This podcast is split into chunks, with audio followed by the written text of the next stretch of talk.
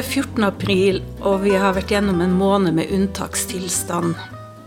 Norge har som det meste av verden vært nesten helt nedstengt. Og som borgere har vi opplevd det, det som blir kalt de mest inngripende tiltakene siden andre verdenskrig. Og i denne tida så kommer det ut ei bok om den første og den siste dagen av krigen. 9. april 1940 og 8. mai 1945. Det må da kjennes rart å gi ut denne boka akkurat nå, Jon Evo? Ja, det var litt pussig. Og, det var Petra Helgesen i Barnebokkritikk som det, skrev det, at uh, den har fått en plutselig sånn aktualitet. Fordi vi lever altså i en tid som kan minne om uh, unntakstilstanden og kaoset uh, i aprildagene 1940. Eh, og det var litt sånn underlig. Jeg hadde ikke tenkt på det sjøl, men eh, ting kommer jo litt brått på, for å si det sånn. Så ja, det er eh, litt merkelig, må jeg si. Boka er todelt. Ja.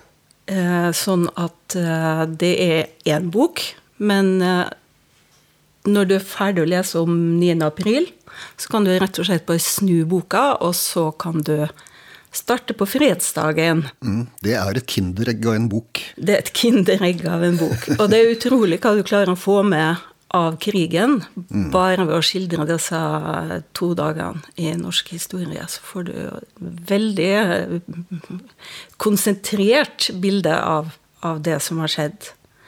Um, men vi kan jo begynne med 9. april. Det er midnatt, mm. og vi er i Oslofjorden. Og det er noe som er i ferd med å skje. Da skal jeg lese helt fra begynnelsen. Én mann endrer krigens gang. Allerede før midnatt får kommandanten på Skarsborg vite at fremmede skip er på vei. Kommandanter på andre kystfestninger har varslet om skip som kjører med slukte lanterner og uten å svare på anrop. Festningene har også skutt varselskudd. Kommandant Birger Eriksen går opp på vollen foran kanonene. Han er 65 år.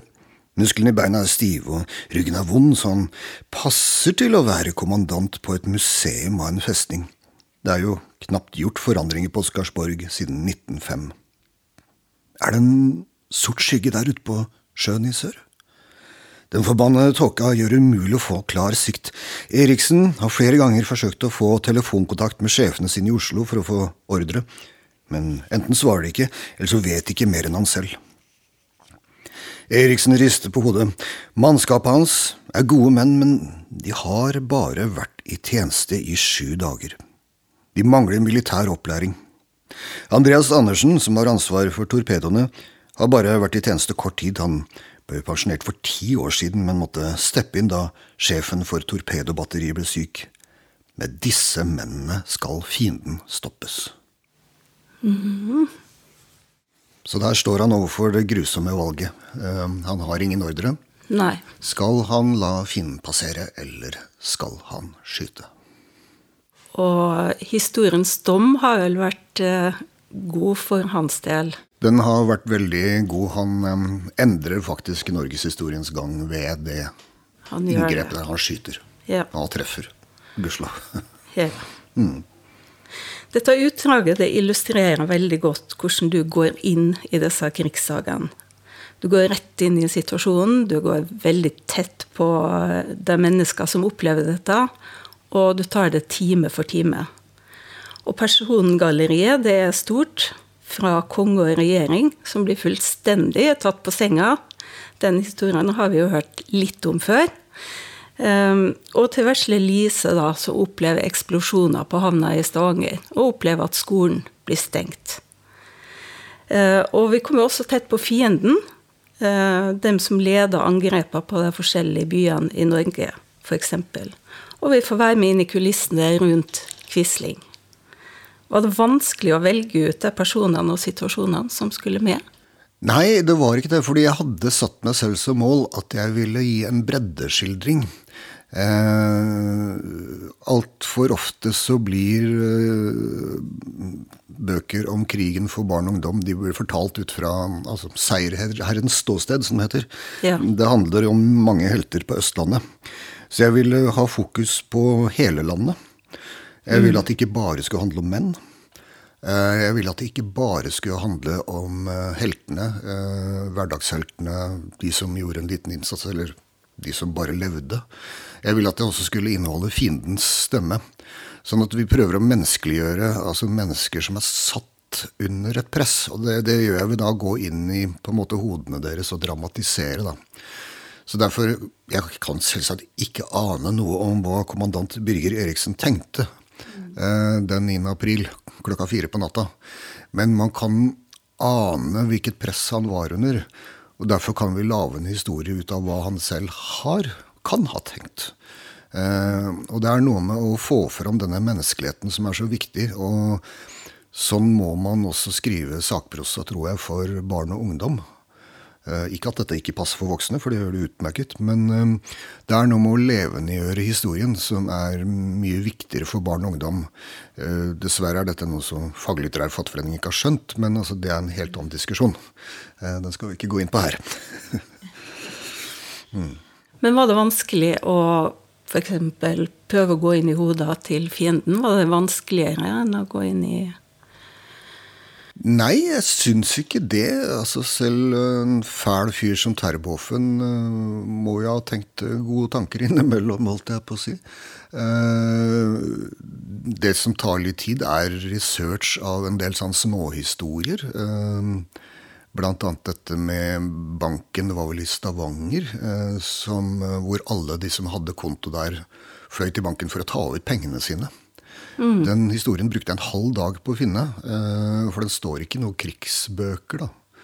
Men eh, jeg googla lenge og vel på Nasjonalbibliotekets sider og fant til slutt en jubileumsberetning fra en bank. Og der står det et kapittel om det der. Og det brukte jeg altså fire-fem timer på å grave ut. da.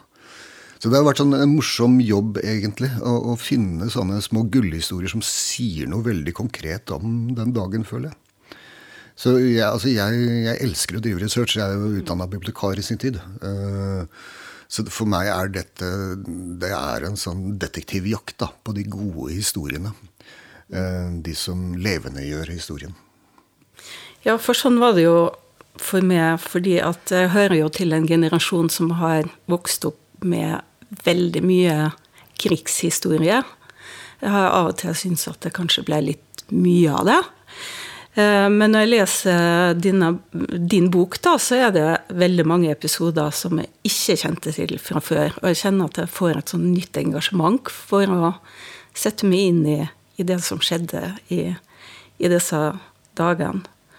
Eh, du ble kanskje også litt overraska når du begynte å gå inn i det? Du, ja, ja, jeg, Vi er vel omtrent samme generasjon, så Ja, altså jeg ble veldig overraska, fordi mm, Det sa jeg til redaktøren min også. Jeg har ikke noe problem med å gjøre 9. april-bokdelen spennende.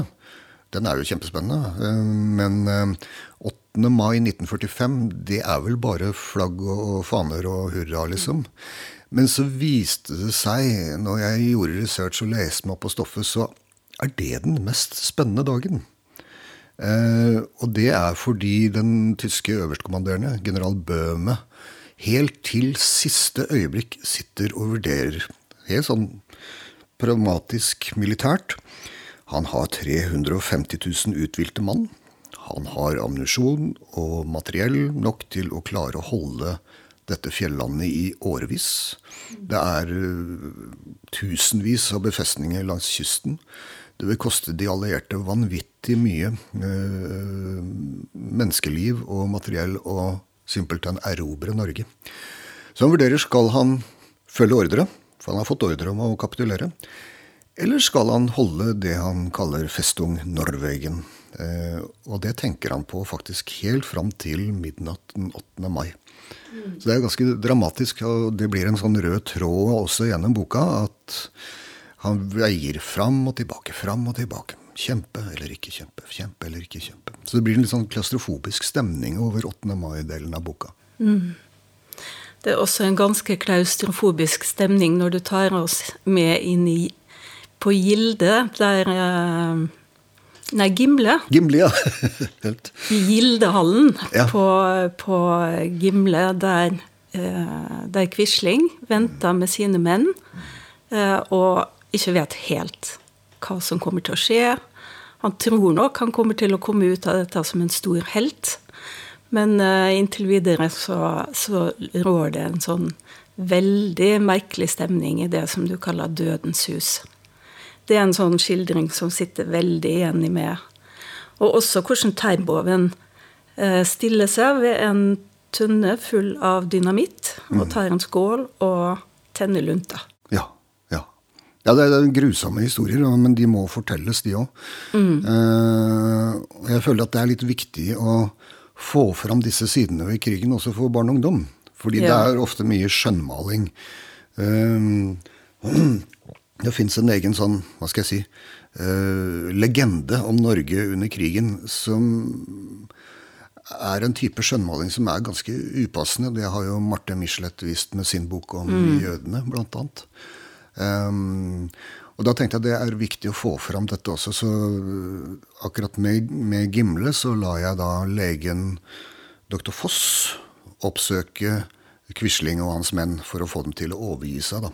Mm. Og han møter denne fatalistiske stemningen, denne blandinga av litt sånn galskap og resignasjon, eh, som eh, er ganske sånn det sier noe om en mann som er nær på å gi opp, men som tenker at hans ettermæle iallfall vil bli hyggelig. Men vi vet jo på en måte at det skjedde ikke. Han ble jo skutt på Akershus mm. da noe senere. Ja. Det, du har jo også med noen ganske ukjente historier om, eh, om, jødene. Du har jo funnet frem til det første paret som flykta ja. over til Sverige, blant mm, annet. Mm. Eh, hun var jøde, og han tysk flyktning, så jeg visste jo ganske godt hva som venta dem. Og ja. var vel noen av de første som kom seg over grensen. Så det er en av mine favoritthistorier. Du, hva er dine to favoritthistorier fra den 9. og den 8, 9. april og 8. mai? Den ene er en historie som eh, Det er Gestapo-sjefen, var han vel? Eh, Fleisch som uh, prøvde å flykte, fordi veldig mange av Gestapos menn prøvde å stikke seg unna og inn blant de vanlige soldatene. Mm. På tross av at uh, det vanlige Wehrmacht ikke var så veldig begeistra for det. og han hadde med seg litt startkapital, nemlig. fordi året før så var det en forretningsmann i Trondheim som nok ville stikke unna litt verdier. Han drev og gravde ned noen gullbarer i hagen sin, av alle ting. Og dette gullet blir konfiskert. Eh, og på en eller annen vis så har altså Fleisch fått tak i dette, og han har smelta om gullet og helt det inn i liksom spilene på, på, meisen sin. Så han går altså med en, en, en ryggsekk uh, full av gull i ryggen, men han blir da også avslørt og begår selvmord, da, faktisk. Uh, det er en, uh, må jeg si, en yndlingshistorie. Litt fantastisk. Og så er det jo Jeg blir jo litt fascinert av Terboffens endelikt, da, på en måte. Og det er ikke for å menneskeliggjøre ham på den måten, men det er noe med det at en mann altså bestemmer seg sikkert tidlig på dagen, fordi hans nestkommanderende allerede har begått selvmord. Mm. Så får han frakta ned en tønne med dynamitt i bunkersen. Uh, og på vanlig soldatvis, eller offisersvis, så kler han seg pent, han spiser aftensmat, går ned i bunkersen, tenner lunta og sprenger seg selv i lufta. Ved siden av sin nestkommanderende. Det er noe sånn derre voldsomt over det. Sånn uh, forferdelig trist og forferdelig grusomt og høyst betimelig. Han ville jo fått en dødsdom hvis han hadde blitt arrestert. Dette er jo ei sakprosabok for ungdom. Men siden Leser bok har vært involvert i dette, så betyr det jo at vi tenker at det er en utgivelse som kanskje kan nå enda videre ut. Og jeg for min del tenker at både litt større barn og voksne kan ha stor glede av å lese denne boka. Du har jobba mye med språket her for å få det tilgjengelig også for dem som sliter litt med lange, kronglete setninger og litt sånn stor, massiv tekst. Ehm, hvordan opplevde du dette arbeidet? Ja, Det opplevde jeg som veldig positivt. Jeg hadde en veldig bra mm, rådgiver som heter Britt Bilgen, tilfeldigvis. um, og vi hadde jo mange runder fram og tilbake. Og, og, Jeg liker jo alltid utfordringer. eh, Og det å måtte jobbe med språket på den måten er ikke jeg vært vant til. Så det, nei, jeg opplevde det som utelukkende positivt. Eh, Og jeg ser også at det har blitt mye bedre enn eh, første versjonen ble. Jeg vet ikke hvilken versjon vi kom opp i til slutt. eh, Fjerde, femte, sjette versjon kanskje. Men eh, det ble liksom sånn sakte, men sikkert så ble det greid ut en del sånne der krongleteheter i språket. Det syns jeg var veldig fint. Nei, jeg hadde stor glede av det, og har lært mye av det også.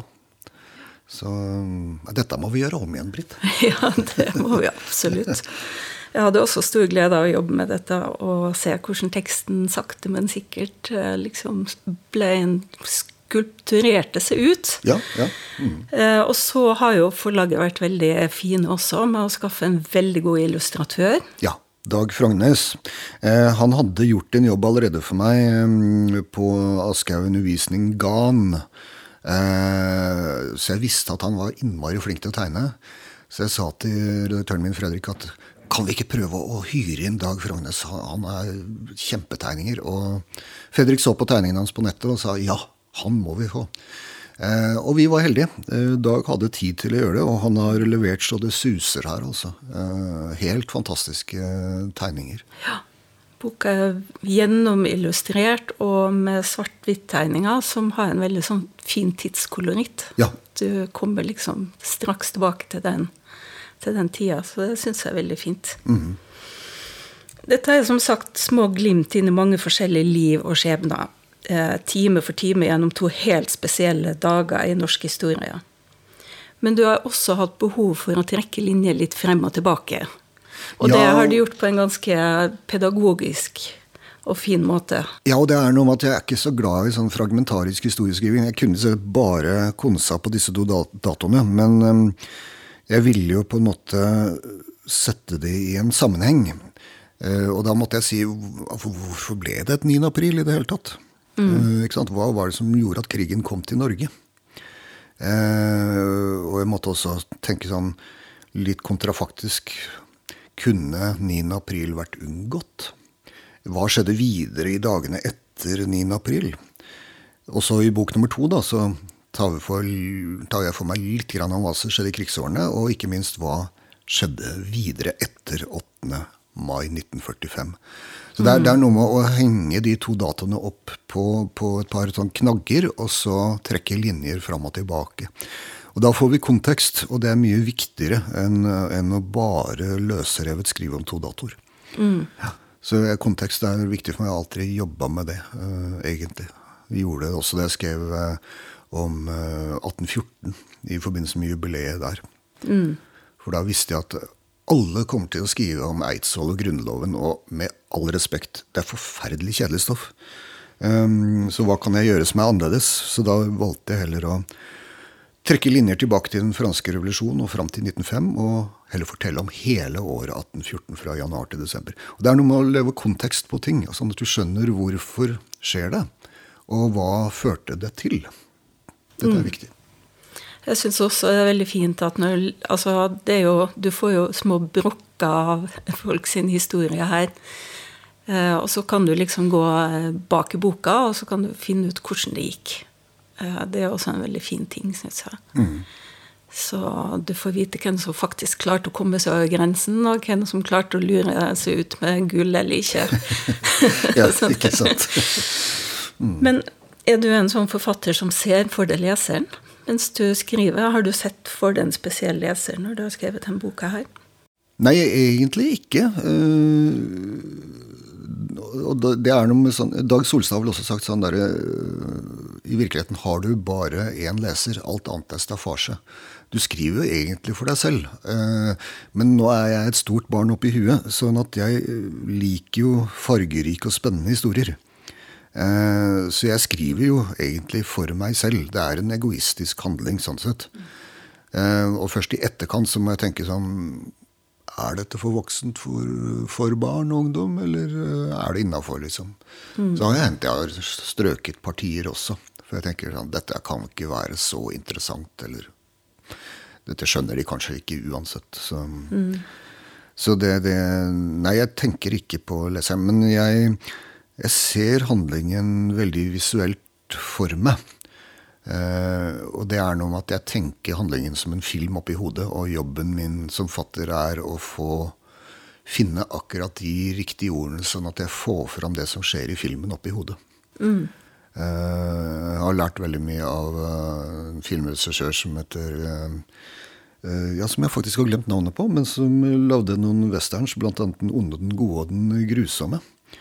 Eh, spagettivesteren. Mm. Sergio Leone. Sergio Leone, vet du.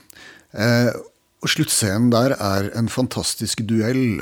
og De fleste dueller i westernfilmer er gjort unna på 20 sekunder. Men han bruker åtte minutter da, på å trekke ut den scenen. Eh, og dette har jeg ofte fortalt til mine studenter som er veileder på litteraturstudiet på Barnebokinstituttet også, at du skal kryste sitronen. Du skal, du skal, ikke slippe scenen med en gang. Du skal gjøre mest mulig ut av det. Mm. Uh, så det, det, det, er et lærestykke, det der. der. Se scenen med fra Den onde og den gode og den grusomme av Sergio Leone, og se hva han får ut av en sånn sluttscene. Det er helt fantastisk. Mm kan blåse i resten av filmen, selv om den er veldig god. Men altså, se den, da. Mm. Lurer på om vi skal ta en liten lesning til fra 8. mai denne gangen, kanskje? Ja. Da tror jeg vi skal um, gå til London, hvor um, kong Haakon sitter. Kong Haakon likte dårlig å rømme fra Norge på så ynkelig vis i 1940. Han skulle ønske han mer aktivt kunne forsvare landet. I Storbritannia må han gjøre slike kongelige ting som konger gjør. Ofte så kjedelig at han har lært seg å sove med åpne øyne. Alle ser på ham som om han er en figur laget av det tynneste danske porselen, men nå vet han at dette marerittet snart er over. Krigen går mot slutten. Dagen begynner med en æreslunsj og utdelingen av en medalje. Kongen gjør jobben sin. Den oppgaven kan han utføre i søvne. Han hadde ikke ventet på beskjed om hva som skjer hjemme i Norge, ville han garantert sovnet. Det serveres et eller annet kongelig. Samtalen mellom kvinner og menn ved bordet hans er kongelig passende. Ikke for drøyt, ikke for morsomt. Håkon får lyst til å banne eller si noe ufint, men slikt gjør ikke porselensfigurer. Brått bærer noen kelner inn høyttalere og skrur på radioen. Det spraker før de får inn BBC. Noen prater fremdeles ved bordene. De hysjes ned, Bulldoggen skal holde tale. Kong Haakon retter seg stolt opp da han hører den grøtete stemmen. Den britiske statsministeren Winston Churchill forteller at fredsavtalen er undertegnet. Freden kommer ved midnatt. Kongen bøyer hodet. Tårer er ikke kongelig, men nesten alle de andre gråter. Nå er snart denne porselenstiden i London over, han skal få komme hjem. Der han sitter i London, vet ikke kongen at på dette tidspunktet ringer alle kirkeklokker i hele Norge samtidig. Hmm. Krigen var jo ei ekstrem tid, og for mange så endra jo eh, endra jo okkupasjonen av Norge livet fullstendig. Og nå hører vi litt sånn krigsretorikk på nytt. Det er snakk om at vi er under angrep av et usynlig virus. Mm. Og og dette har jo tvinga oss til å stenge ned samfunnet til en viss grad. Eh, kommer vi til å tenke tilbake på dette som en hendelse som endrer alt, tror du? Kommer det til å bli skrevet bøker og lage filmer om det som vi er inne i nå? Det gjør det jo. Men jeg tror ikke det endrer noe framover. Eh, dessverre så er mennesket litt sånn at uh, av historien så lærer vi intet. Mm. Um, så med mindre vi kan få f.eks. en slutt på disse dyremarkedene hvor man skaper disse virusene. Så vil vi få en ny virus om hvem vet, 5-10-15-20 år. Mm. Eh, som er minst like farlig, helt sikkert. Vi har jo hatt tilløp til det. Eh, SARS-viruset, fugleinfluensa osv. Eh, men aldri så ille som nå.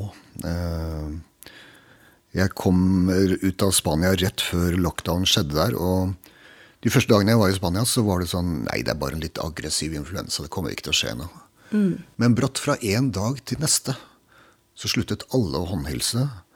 Um, alle gikk i bue utenom hverandre. Og jeg kom altså hjem på lørdag dagen før lockdown skjedde, og følte jeg hadde unnsluppet. Eh, virkelig. Og var da i to uker i Spania, karantene, kan man si. da. Eh, og kom hjem til en sånn litt uvirkelig Gardermoen hvor det var fullt av soldater som sto rundt omkring. Så da, da, da, føltes det virkelig som det var i sånn krigstid, liksom. Mm. Nesten litt skremmende, akkurat det der med soldatene. Så mm. Nei, men mennesker lærer ikke noe av historien, dessverre. Og jeg sier dette så negativt og så sterkt at jeg håper at unge mennesker vil tenke at neste gang det skjer, så har vi lært noe. Nå vet vi bedre hvordan vi skal håndtere det. Vi kan virkelig gjøre det bedre enn de som er voksne nå. Det er vår framtid. Jeg tror i alle fall at uh, unge mennesker kan lære ganske mye av å lese boka di, Jon. Så tusen takk for at du har skrevet den. Takk skal og du takk for praten. Takk, takk.